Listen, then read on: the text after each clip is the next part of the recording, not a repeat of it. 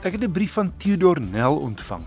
Hy vra: "Waarom hoor ons so min van nuwe ontwikkelende tegnologie wat motorkarre baie sal verander en nuwe toekomsvisies sal bied?" En dan noem hy voorbeelde onder meer die sogenaamde E-as. Ek gaan aanklop by Nicolou. Hy's 'n tegniese konsultant en die besigheidsontwikkelingsbestuurder by SVU Gepantserde Voertuie.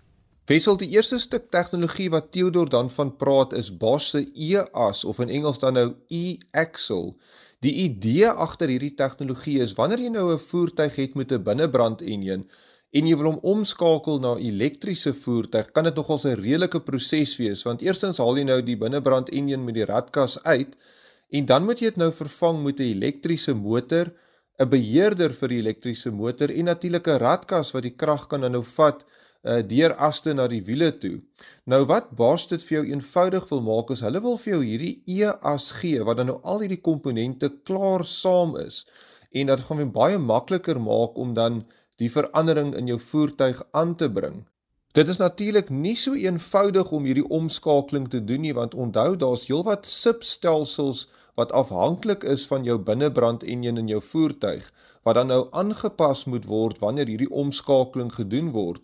En om net 'n paar te noem is byvoorbeeld jou ligversorger wat aangedryf word deur die binnebrand enjin, die ehm um, hitte wat van jou binnebrand enjin afkom word ook gebruik om natuurlik die lug te verwarm wat in die kajuit ingaan en dan die natuurlik ook jou vakuum rem booster wat dan nou ook sy vakuum trek van die binnebrand enjin. So al hierdie stelsels moet dan verander word wanneer jy oorskakel na elektriese voertuig.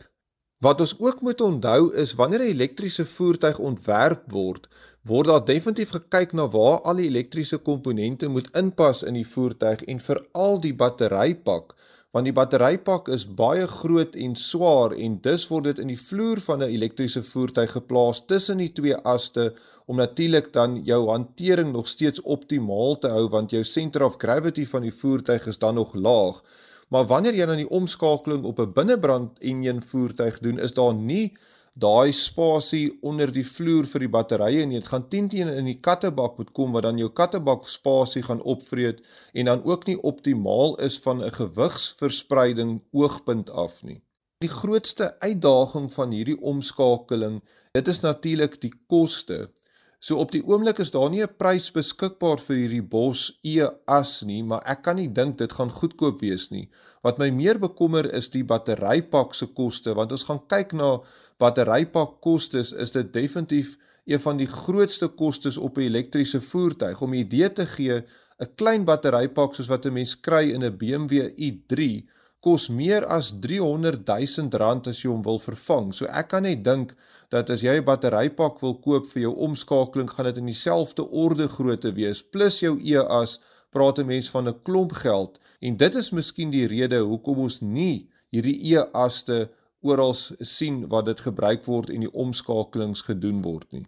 So antwoord Nicolou, 'n tegniese konsultant en die besigheidsontwikkelingsbestuurder by SVU Gepantserde Voertuie.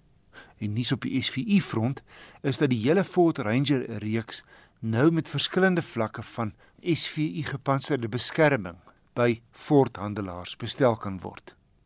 Enigiemand is welkom om motornavrae na my te stuur e-pos na wissel@rsg.co.za. My wenk van die week. Hier in die noordooste van die land groei gras plante en boomtakke dat dit bars na goeie reën die afgelope weke. Maar soos ons weet, sny, knip en snoei metroraad en munisipaliteite dikwels nie gereeld langs paaie nie. Wat jou as motoris se sig benadeel. So wees maar ekstra versigtig wanneer dit die geval is. Kyk eerder 'n tweede keer links of regs om doodseker te maak.